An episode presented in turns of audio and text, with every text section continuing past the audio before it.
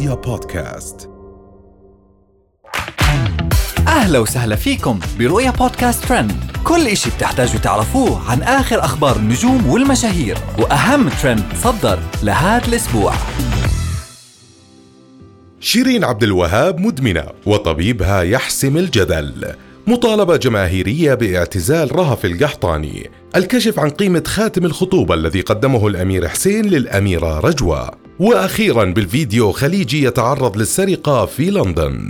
بعد حفل الفنانة شيرين عبد الوهاب الأخير في قرطاج ترددت حولها الكثير من الشائعات خاصة بعد ما ظهرت بوزن زائد. وبعد ما صرحت بالحفل عن وجود طبيبها النفسي الخاص في الحفل.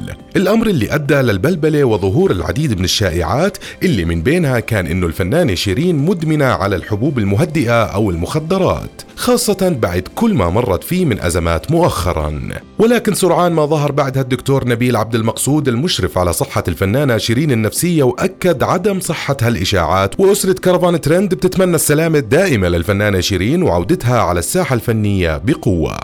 من مصر بننتقل للسعودية بعد ما عبرت رهف القحطاني عن القيود اللي فرضتها الشهرة على السوشيال ميديا عليها. مبينة إنها صحيح حققت نجاح كبير لكنها بالمقابل قدمت صحتها وراحتها وخصوصيتها ثمن هذه الشهرة. ووضحت إنه أكثر ما يزعجها عدم قدرتها على الخروج مع أصدقائها أو أهلها لمطعم بدون تصوير أو احتفاظ بالخصوصية. وما كان من الجمهور إلا إنهم سخروا منها. وهاجموها بالتعليقات حيث طالبها الأغلبية العظمى منهم بالإعتزال. طالما إنها منزعجة من الأمر وكتب أحدهم اعتزلي أجل ليش التحلطم والشو وكتب آخر أحسن تستاهلين كنت تبغين تصيرين مشهورة وهذه ضريبة الشهرة. يا وذنكها ولا في ناس مشهورين ويعرفون يديرون حياتهم وعايشين حياتهم بدون أي دراما. ومن أخبار المشاهير والنجوم بننتقل لأهم الأخبار اللي تصدرت لترند هالأسبوع وكان أهمها تقرير نشرته صحيفة الكونفيدنشال الإسبانية عن ثمن خاتم الخطوبة اللي قدمه ولي العهد الأردني لخطيبته رجوة بنت خالد آل سيف واللي قدرت سعره بحوالي 100 ألف يورو. وفي تصريح حصري للصائغ اللي صمم الخاتم وصف شكله بأنه ألماسة على شكل كمثرى ومحاطة بأحجار أخرى من الألماس المصقول بالزمرد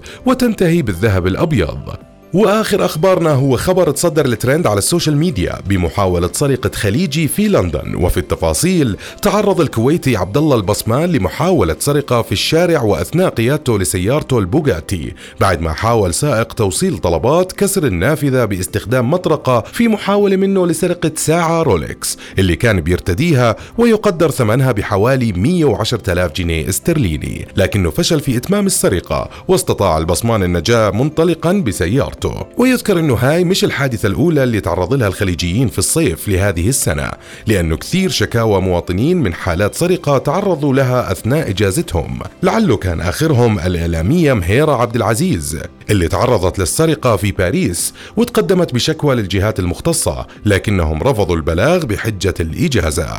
وهاي كانت أهم أخبارنا لليوم. بنشوفكم الحلقة الجاي.